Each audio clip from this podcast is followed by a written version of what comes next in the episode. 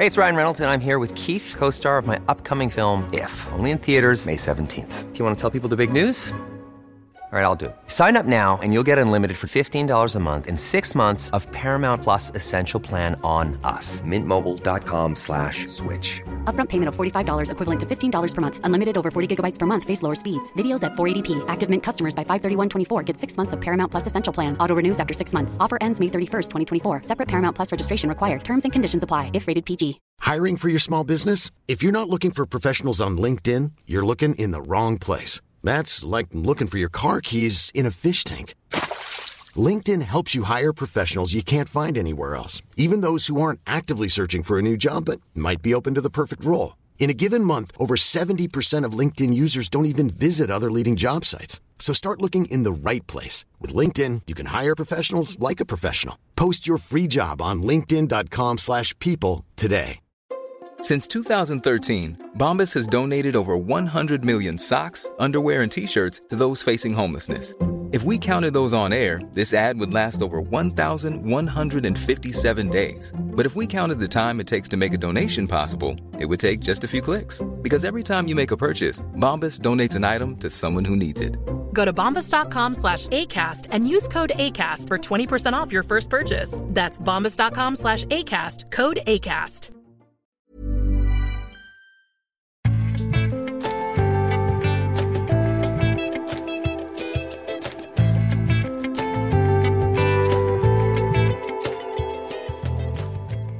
Uro i Misjonssambandet, uro i Philadelphia og uro i Frikirken. Og ny biskop i Borg. Velkommen til denne ukens episode av Tore og Tarjei. Denne uken eh, er vi i dag en ekstra eh, konkret preget av den pågående pandemien. På den måten at eh, det er en hel del av våre medarbeidere som er rammet direkte. Så jeg Tarjei Gilje, har ikke med meg Tore Hjalmar Sævik, men jeg har en utmerket erstatter i kollega Kari Fure. Takk for at du ville være med. Takk for at jeg fikk være med. Du er ikke rammet av pandemien? Eh, ikke jeg. Men eh, rundt meg så eh, feller folk som fluer. Nesten. Tenkte. Barnebarna jubler over at de har fått korona, for da blir de friske nok til vinterferien når de kan reise til Bergen. Så det blir bra. Så det er veldig kjekt å få være vikar. Og vi skal altså ta temperaturen på Kristen-Norge. Og hva vil du si, Tarjei? Temperaturen er nå litt sånn lett feber, kanskje? Ja, Det er kanskje farlig for oss å sitte og tulle med dette, her, for det kan jo være veldig alvorlig for de som er involvert i ulike sammenhenger. Men ja, denne uken her så er det litt sånn Og det er jo en sånn spenning vi lever med, at journalistisk sett er det jo spennende når det skjer ting. Men det kan jo være ganske trist ofte, det som skjer. Men denne uken er det en sånn uke, eller disse ukene, kan jeg vel si, der det er, det er ganske høy, høyt spenningsnivå på flere arenaer samtidig. Ja. Og så um er det sånn i uh, papiravisen til dagen at vi av og til har hatt en liten spalte eller notis som heter 'Dagen retter'. Og i dag skal vi simpelthen begynne med 'Dagen retter' i podkastformat før vi går over på NLM. Hva er det du vil rette, Tarjei? Jo, det var fin, fin innledning, det. For vi skal snakke litt om Misjonssambandet. Og og da Ja, jeg mener jo generelt sett at vi bør være raske med å rette når vi skriver eller sier ting som er feil, og sånn sett har vi jo forbrutt oss mot det i og med at det nå er februar, og dette som vi skal korrigere noe skjedde i en episode før jul. Men det er for så vidt en grei anledning likevel på den måten vi skal snakke bitte litt om rådsmøtet i Misjonssambandet, og det er det jo ikke hver uke at vi gjør. Men dette rådsmøtet har en lengre historie enn det som kom frem i vår episode den gangen, men det har hatt en litt forskjellig rolle.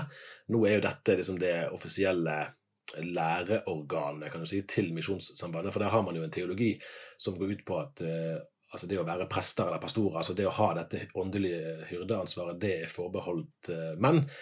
Uh, og siden både menn og kvinner har stemmerett i generalforsamlingen, så er det i rådsmøtet at de teologiske avgjørelsene skal tas.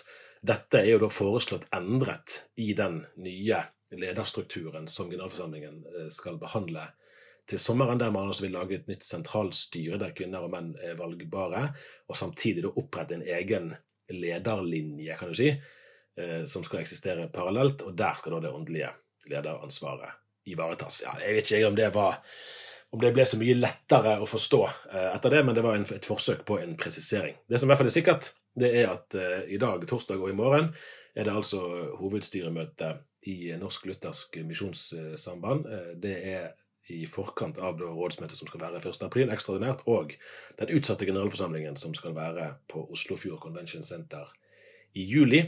Uh, på papiret så er de viktigste sakene der knyttet til misjonsstrategi Eh, felles for innland og utland og ungdomsavdelingen og eh, denne lederstrukturen.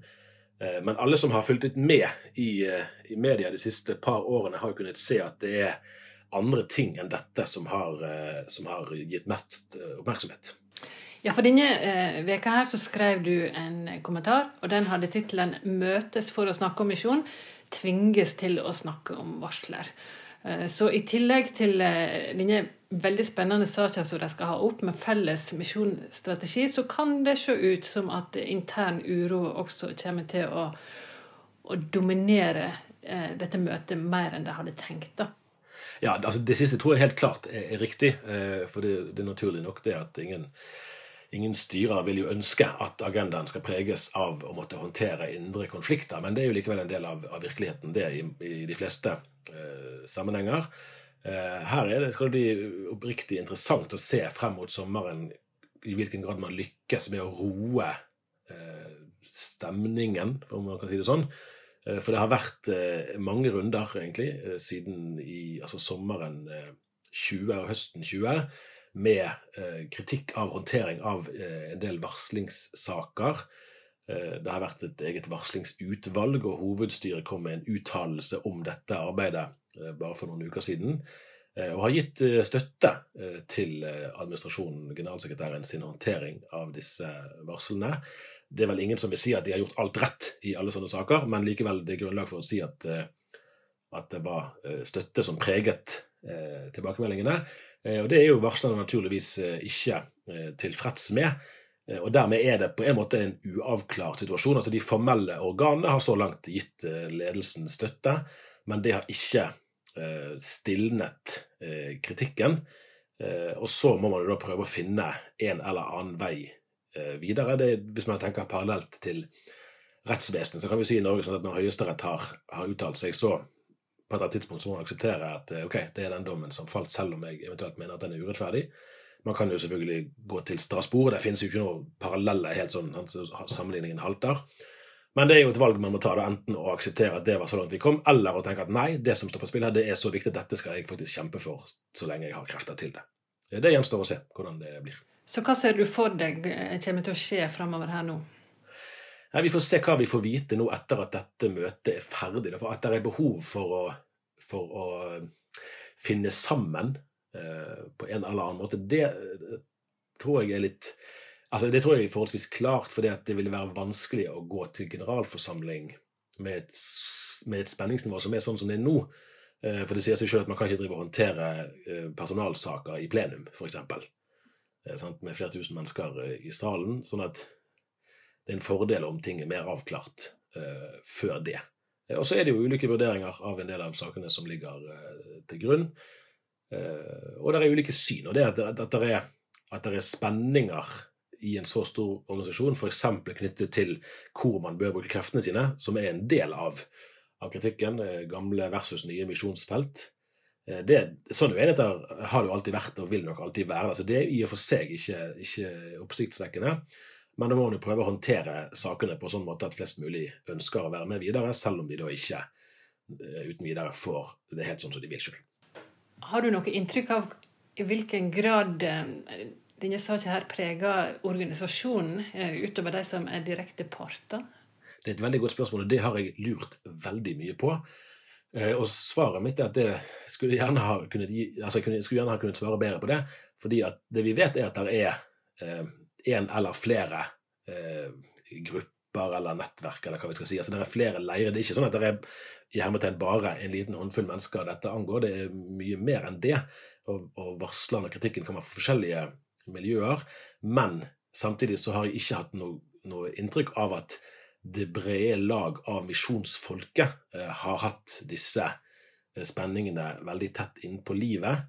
Eh, og sånn sett eh, kan man si at eh, ut fra det som er sagt offentlig, så sitter ledelsen trygt.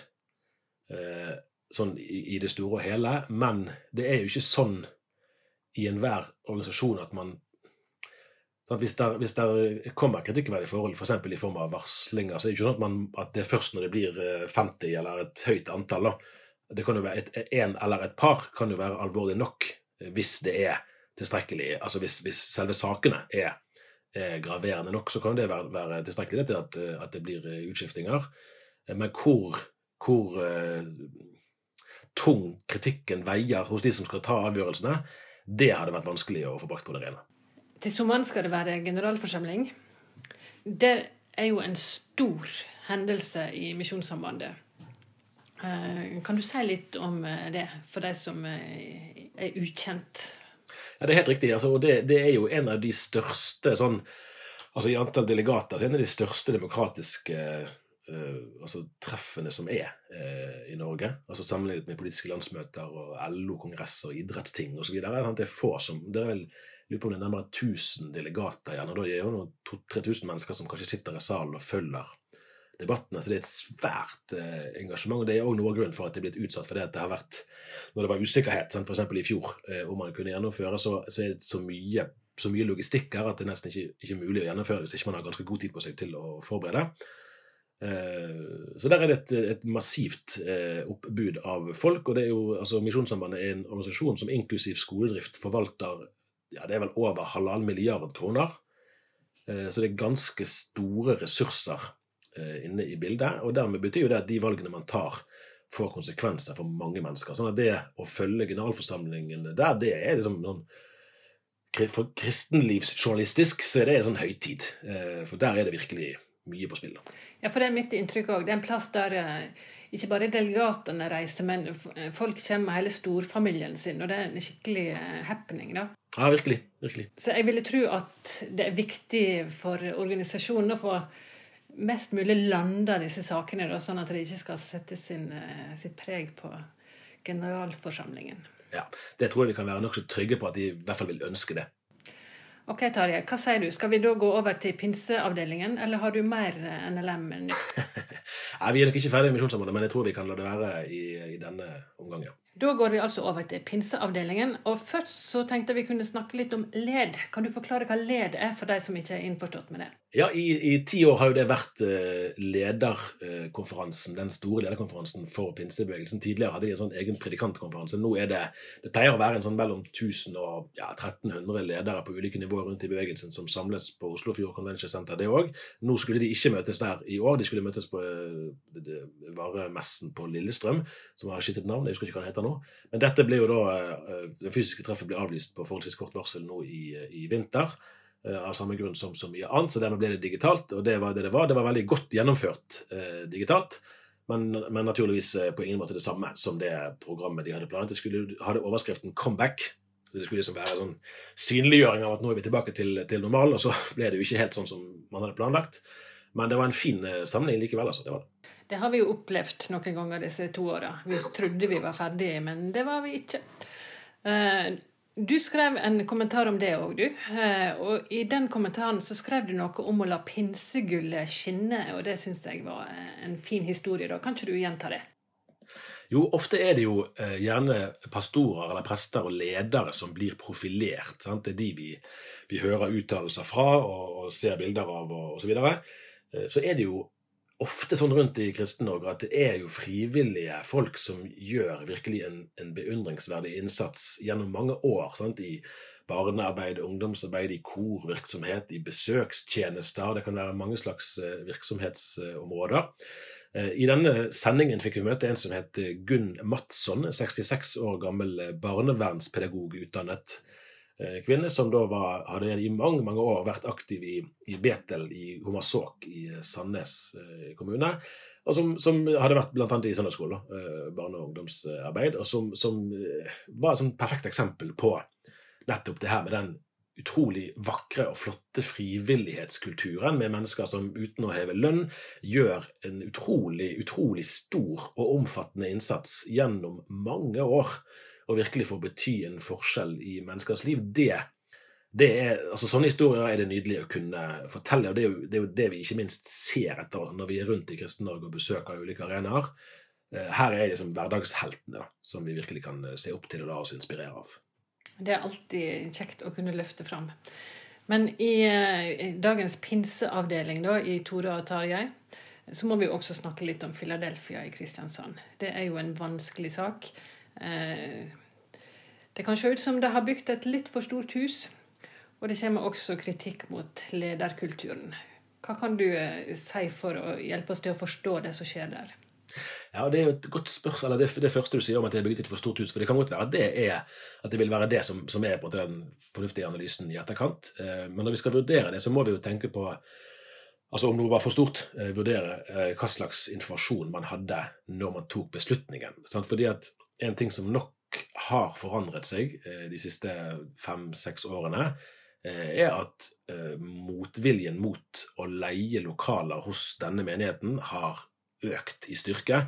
Altså at der de trodde de kunne basere konferansesentervirksomheten sin på kommersiell utleie, eh, så har det vist seg vanskeligere, fordi at flere rett og slett ikke ønsker å leie hos de pga. menighetens teologiske ståsted. Det er jo sånne faktorer som er vanskelig å måle på forhånd. Ingen kunne vite helt eh, hvordan det ville gå. Og en av de store aktørene var Universitetet i Agder, var ikke det sånn? Helt riktig.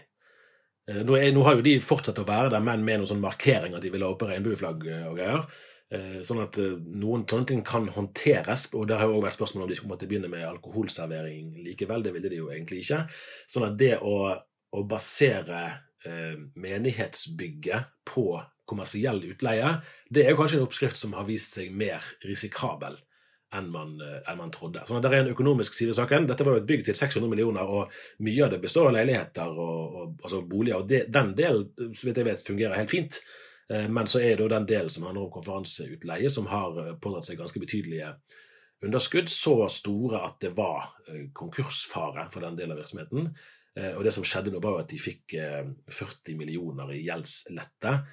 Eh, så det er jo, det er jo et stor stor eh, pengesum. Som en del av pakken er at de skal selge unna noen bygg menigheten har eid som de har brukt til, altså til annet til rusrehabilitering. Så det er jo noen trist ting i det òg, da. At liksom noe av det som gjør at de blir reddet, er at de må da selge verdifulle eiendommer. Eh, men dermed har de klart å sånn umiddelbart løse den økonomiske knipen. Det var et menighetsmøte der nå på, på søndag. Men parallelt med dette har det òg, som du sa, vært en indre uro knyttet til, eh, til, lederkulturen. Og det var flere sentrale ledere som trakk seg eh, for noen måneder tilbake. Og det er vel for tidlig å si at dette er avklart, men man har i hvert fall kjøpt seg tid til å håndtere det mer i ro og makt enn man kan med kniven på strupen. Vil du si noe mer om visjonen der? Altså, Hva var det som var grunnen til at de tenkte så stort? Fidelfia Kristiansand er jo en, en, betydelig størrelse. Når man kjører rundt i sentrum og ser dette monumentale bygget, så, så skjønner du at her er det en menighet som både har sterke muskler, og som òg har på en, måte en forholdsvis høy selvtillit. Som ønsker å være en, en faktor i bybildet, som ønsker å være til tjeneste for byen. Sant? Og, de gjør virkelig òg et sosialt eh, arbeid som mange mennesker eh, eh, har grunn til å være takknemlige for. Eh, og så er det da å det som, det som, noe av det som jeg er redd for, er jo, og det kan jo nok vi i pressen også stå i fare for å bidra til, det er jo at man liksom, går til angrep på de som våger å satse. Sant? At Du kan få en sånn her, du må alltid være fornuftig, pass på å ikke, ikke være for dristig, være forsiktig. Eh, og så ender det opp med folk som ikke Altså at, at risikoviljen blir, eh, blir, redusert. Og det er jo ikke nødvendigvis noe bra, det heller. I, i det, også, det gjelder for folk som starter bedrifter og alt mulig. Det er jo alltid en risiko. Det er ingen som kan vite hva morgendagen bringer. Så man må gjøre en satsing basert på en eller annen form for kalkyle. Kanskje har kalkylen her vært eh, litt mangelfulle, det, det kan godt hende. Eh, men det må ikke føre til at man kun safer, og at man tenker at eh, vi må bare nøye oss med å holde hjulene i gang. Vi legger bort ambisjoner om å kunne bety noe, om å kunne være en, en stemme eller å være hender og føtter i møte med menneskers behov. Så det er jo egentlig det er veldig mye flott som kommer ut av Filadelfia i Kristiansand, og det eh, må vi virkelig håpe at det ikke eh, tar slutt. Men nå har det altså kjøpt seg litt tid, eh, og det kan se ut som det kan gå bra? Ja da, absolutt. Det, det, det kan det fint gjøre. Men du, da tror jeg vi går over i frikirkeavdelingen i Tore og Tarjei, eh, uten Tore. ja. Der går det også en diskusjon for tiden. Ja, det er jo en velkjent, velkjent tematikk, men, men nå, og den er for så vidt ikke helt ny i Frikirken heller. Men nå, nå er det blitt nye altså, si en intensitet eller kraft i det. Det handler om samlivsetikken, og synet på likekjønnet ekteskap. På synodemøtet, som, som, er deres landsmøte i fjor, så kunne man merke at det var en, en for så vidt trolig relativt liten, men likevel ganske høylytt minoritet som tar til orde for eh, en utvikling som ligner den man har sett i Den norske kirke, der man eh, åpner for to syn. Eh, altså at man kan, kan romme òg det å, å akseptere eh, likekjønnet samliv som, som kristelig eh, legitimt. Eh, og det, det skal være synodemøte nå til, til sommeren. det skal bli veldig spennende å se hvordan det der utvikler seg videre. fordi at i nesten alle kirkesamfunn i Norge så er det et stort flertall på den konservative siden, da, for å si det sånn. Eh, men minoritetene er mer frimodige ofte med å fremme sitt syn enn majoriteten. Eh, og det gjør jo at det er de som blir hørt. Det er de som får sette agendaen. Og det har jo en virkning. Og Det er også tilfeldig i Frikirken. Dagen gjennomførte jo en stor undersøkelse av Kristen-Norge. Og Der viste tallene at de konservative var i flertall i Frikirken, stemmer ikke det? Klart, klart flertall. Altså, de, det, Flertallet er større i Misjonssambandet og i pinsebevegelsen enn det er i Frikirken, men det er vel likevel et klart Jeg lurer på om det var rundt 70-75% jeg husker, i Frikirken. Eh, så det er, og, og, ja, det tror jeg ikke er Det er, gir mening, da, ut fra andre observasjoner, at det er et sted der styrkeforholdene egentlig ligger.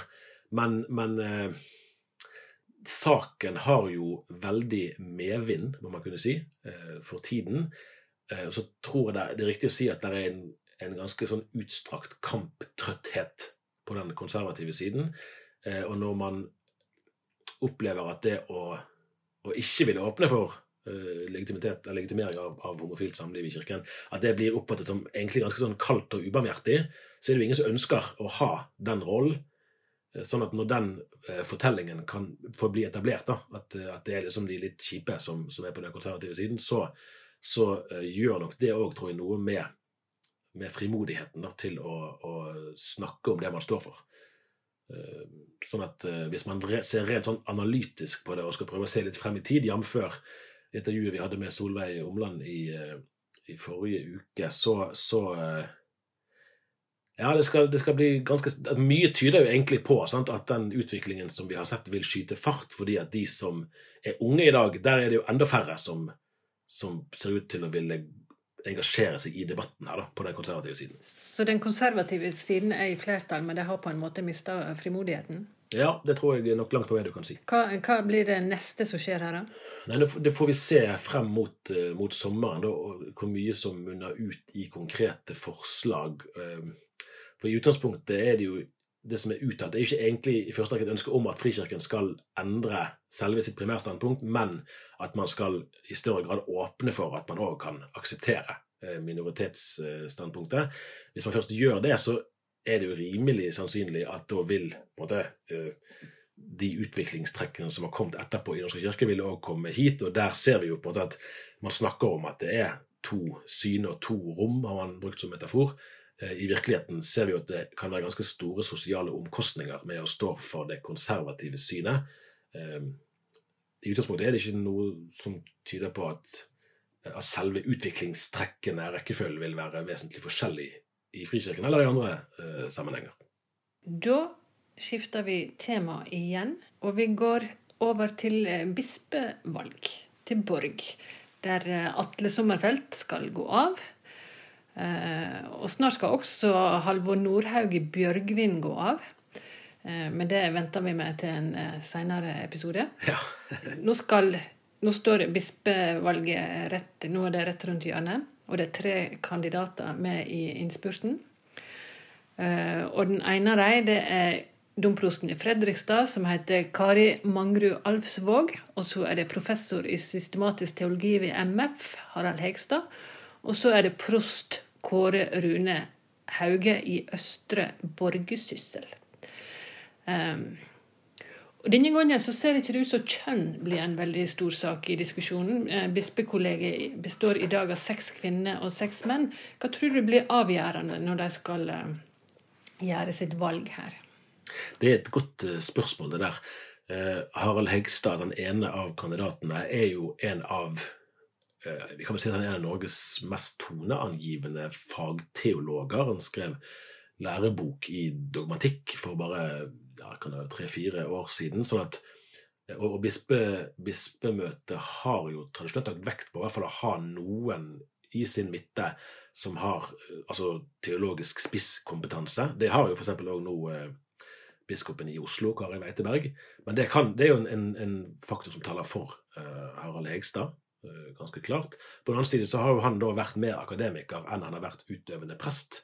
Sånn at uh, Kari Mangro Alfsvåg i Fredrikstad står jo sterkere sånn sett. Hun, hun er jo i, i bispedømmet uh, og, og uh, har god erfaring fra utøvende tjeneste. Så det, det, blir jo en litt sånn vurdering hva man mener at man trenger. Altså hva slags kompetanse man mener at man, man trenger. Det er vel, uten å, Jeg skal på ingen måte være, være ufin eller urettferdig med Kåre Rune Hauge. Sant? og Han er jo historisk den som ganske opplagt av disse tre eh, vel står eh, altså Dagen-leserne nærmest. Han var jo generalsekretær i laget eh, for ikke så mange år siden. Eh, men det er, det er, vel De fleste regner vel med at det er en av de to andre som blir eh, biskop. Eh, og det blir vel kjent i dag eller i morgen. Kommentator i Aftenposten, Frank Rossavik, kan skrive at valget står mellom den populære og den tunge.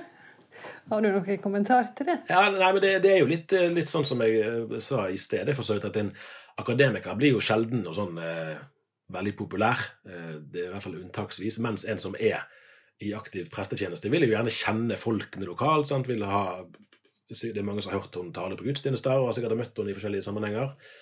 Eh, og så er det interessant Tidligere drev var jo ofte det sånn Er, den og den kandidaten konservativ eller liberal? Det var et sånn viktig kriterium for å vurdere. Nå, nå er ikke det på like ikke like lett å plassere folk eh, på en sånn akse lenger. F.eks. i at begge de to nevnte eh, ledende kandidatene vil vie likekjønnede par. og Dermed er det andre spørsmål som på en måte blir viktigere da, for de som skal, eh, skal ta, ta, valgene. Eh, og der eh, svarte jo Alfsvåg, eh, når vi intervjuet henne eh, for noen måneder siden, eh, at hun var opptatt av en kirke som skulle, som skulle gi tilværelsen mening, for eksempel. Og det, jeg tror ikke Hegstad er uenig i det, altså.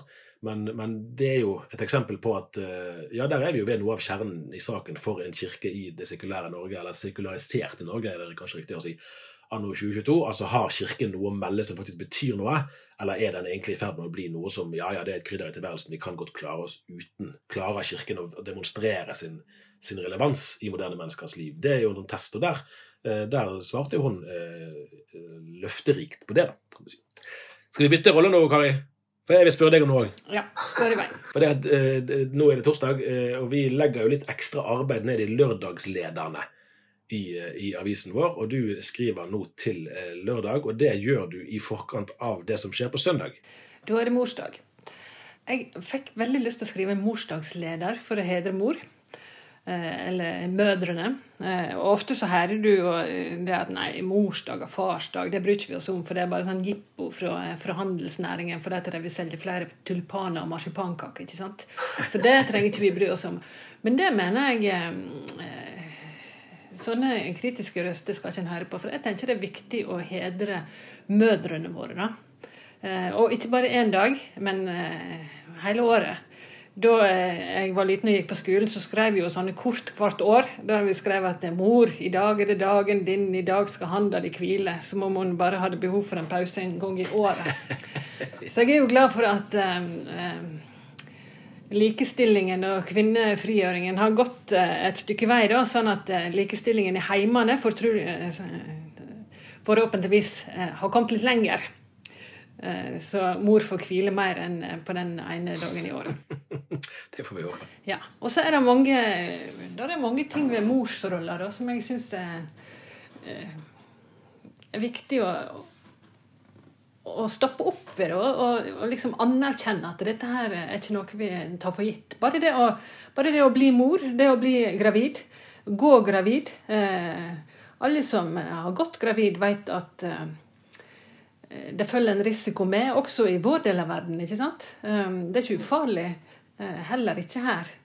Eh, og alle som har vært eh, gjennom en fødsel, vet at det er en jobb å bli ferdig med. Og så er det dette der med mor sin stor jobb da, med å oppdra disse barna.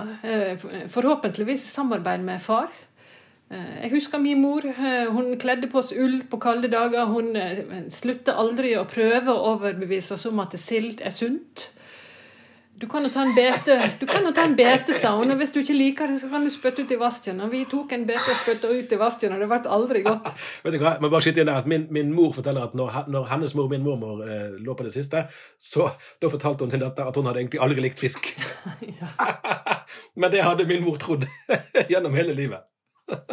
Mødrene har lært oss eh, forskjellen på rett og gale. De har lært oss hvordan du skal oppføre deg når du er ute blant folk.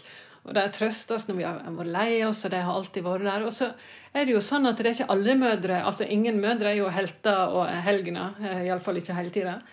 Eh, og, og, det fins mødre som kanskje ikke eh, takler morsrollen så godt. Noen som skaper mer sår og sorg og sinne kanskje i barna sine enn en skulle ønske. Og det fins de som ikke har mor lenger, eller som aldri har kjent mora si.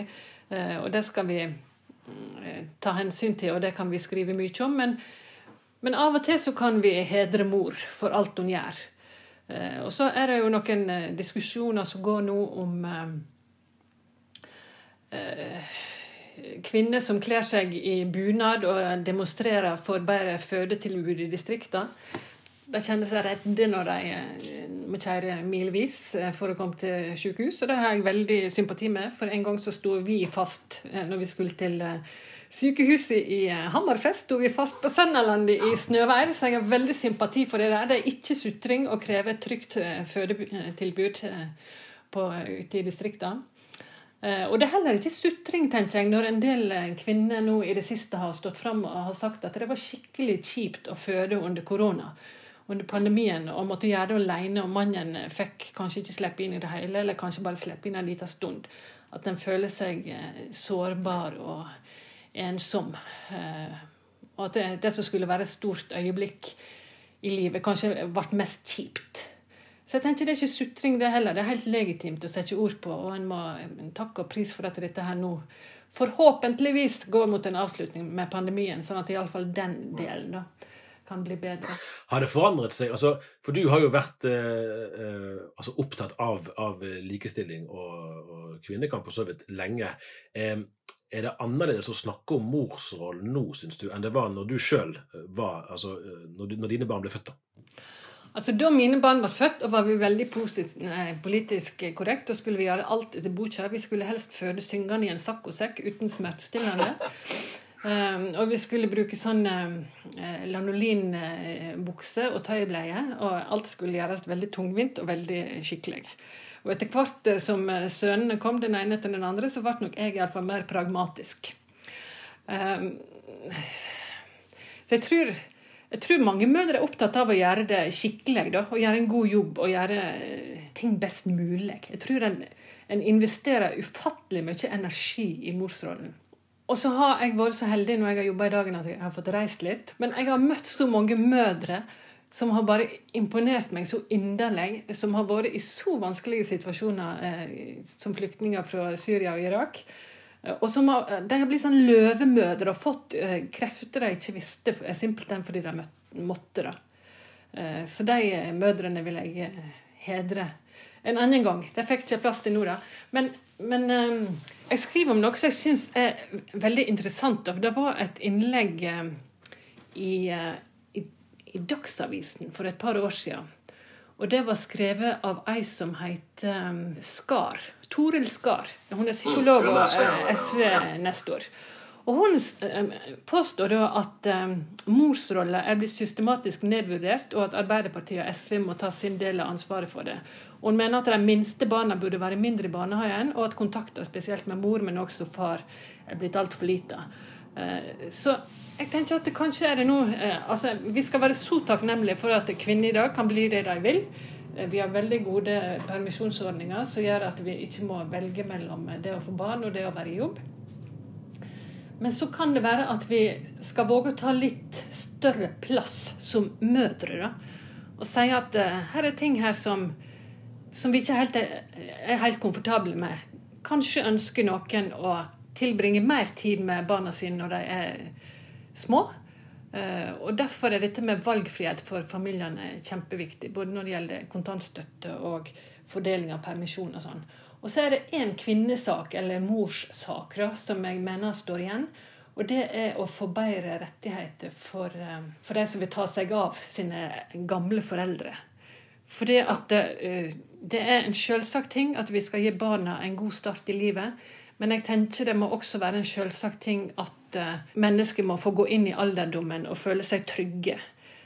Og forskning viser at det er flest døtre, da, kvinner, som som tar seg fri og tar seg av sine gamle foreldre. Og det er faktisk ikke greit, hvis det er sånn at eh, de mister eh, taper økonomisk på det. da. Eh, så det, jeg tenker at det, det, burde være en av de neste kvinnekampene. At en slåss for både sønner og døtre sin rett til å ta lønna permisjon og ta seg av sin mor og sin far. Jeg lurer på om jeg skal være så dristig da, eh, å foreslå en eh, morsdagsgave. Eh, dette er en bok som det kan være utfordrende for både, både, kvinner og menn å lese. Den kom i 2020. Den er skrevet av en som heter Heidi Linde, og den heter hva hun klager over når hun klager over husarbeidet. Og eh, svaret på spørsmålet er? Ja, nei, Det er altfor langt til å kunne si en setning. For det er jo, det er jo egentlig en, en liksom statusrapport for likestillingen anno 2022, der noe av poenget er jo at, eh, at, selv om vi er kommet langt på mange områder, så er det jo i høy grad Man snakker om dette tredje skiftet altså all den logistikken som, som skjer i kulissene. Innkjøp av presanger til barnebursdag og innkjøp av nye fotballsko til sønnen. Eller, eller da å ta seg av eh, kanskje sine gamle svigerforeldre, til og med. Ikke bare egne foreldre, men også svigerforeldre, osv. Så, videre, og så, så det er mye der som, eh, som eh, Hvis man leser den boken, så kan man risikere å bli utfordret, for å si det sånn. Nei, jeg er jo blitt, eh, på eh, mine reiser i Midtøsten, veldig inspirert av familier som jeg har møtt, som virkelig hedrer sine gamle. da, og Som eh, investerer masse energi og ressurser i å ta seg veldig godt av dem. Eh, så der tenker jeg vi har noen gode forbilder. Det høres bra ut. Og det er jo gøy at vi kan hente forbilder fra andre steder enn vår egen umiddelbare omegn. Strålende, Kari. Takk skal du ha. Jo, det var kjekt å være vikar. det er du velkommen til å gjøre flere ganger. Da er vi tilbake neste uke. Ha det bra så lenge. Og god morsdag.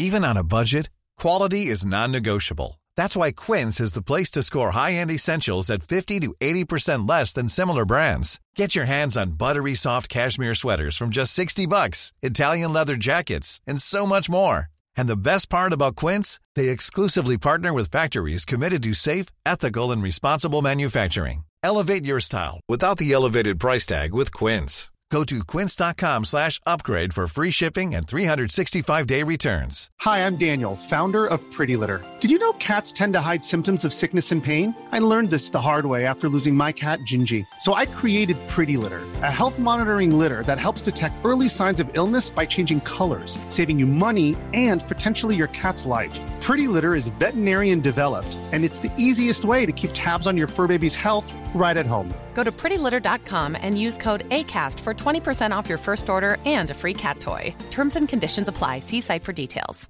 Planning for your next trip? Elevate your travel style with Quince. Quince has all the jet setting essentials you'll want for your next getaway, like European linen, premium luggage options, buttery soft Italian leather bags, and so much more. And is all priced at 50 to 80% less than similar brands. Plus, Quince only works with factories that use safe and ethical manufacturing practices. Pack your bags with high-quality essentials you'll be wearing for vacations to come with Quince. Go to quince.com slash pack for free shipping and 365-day returns.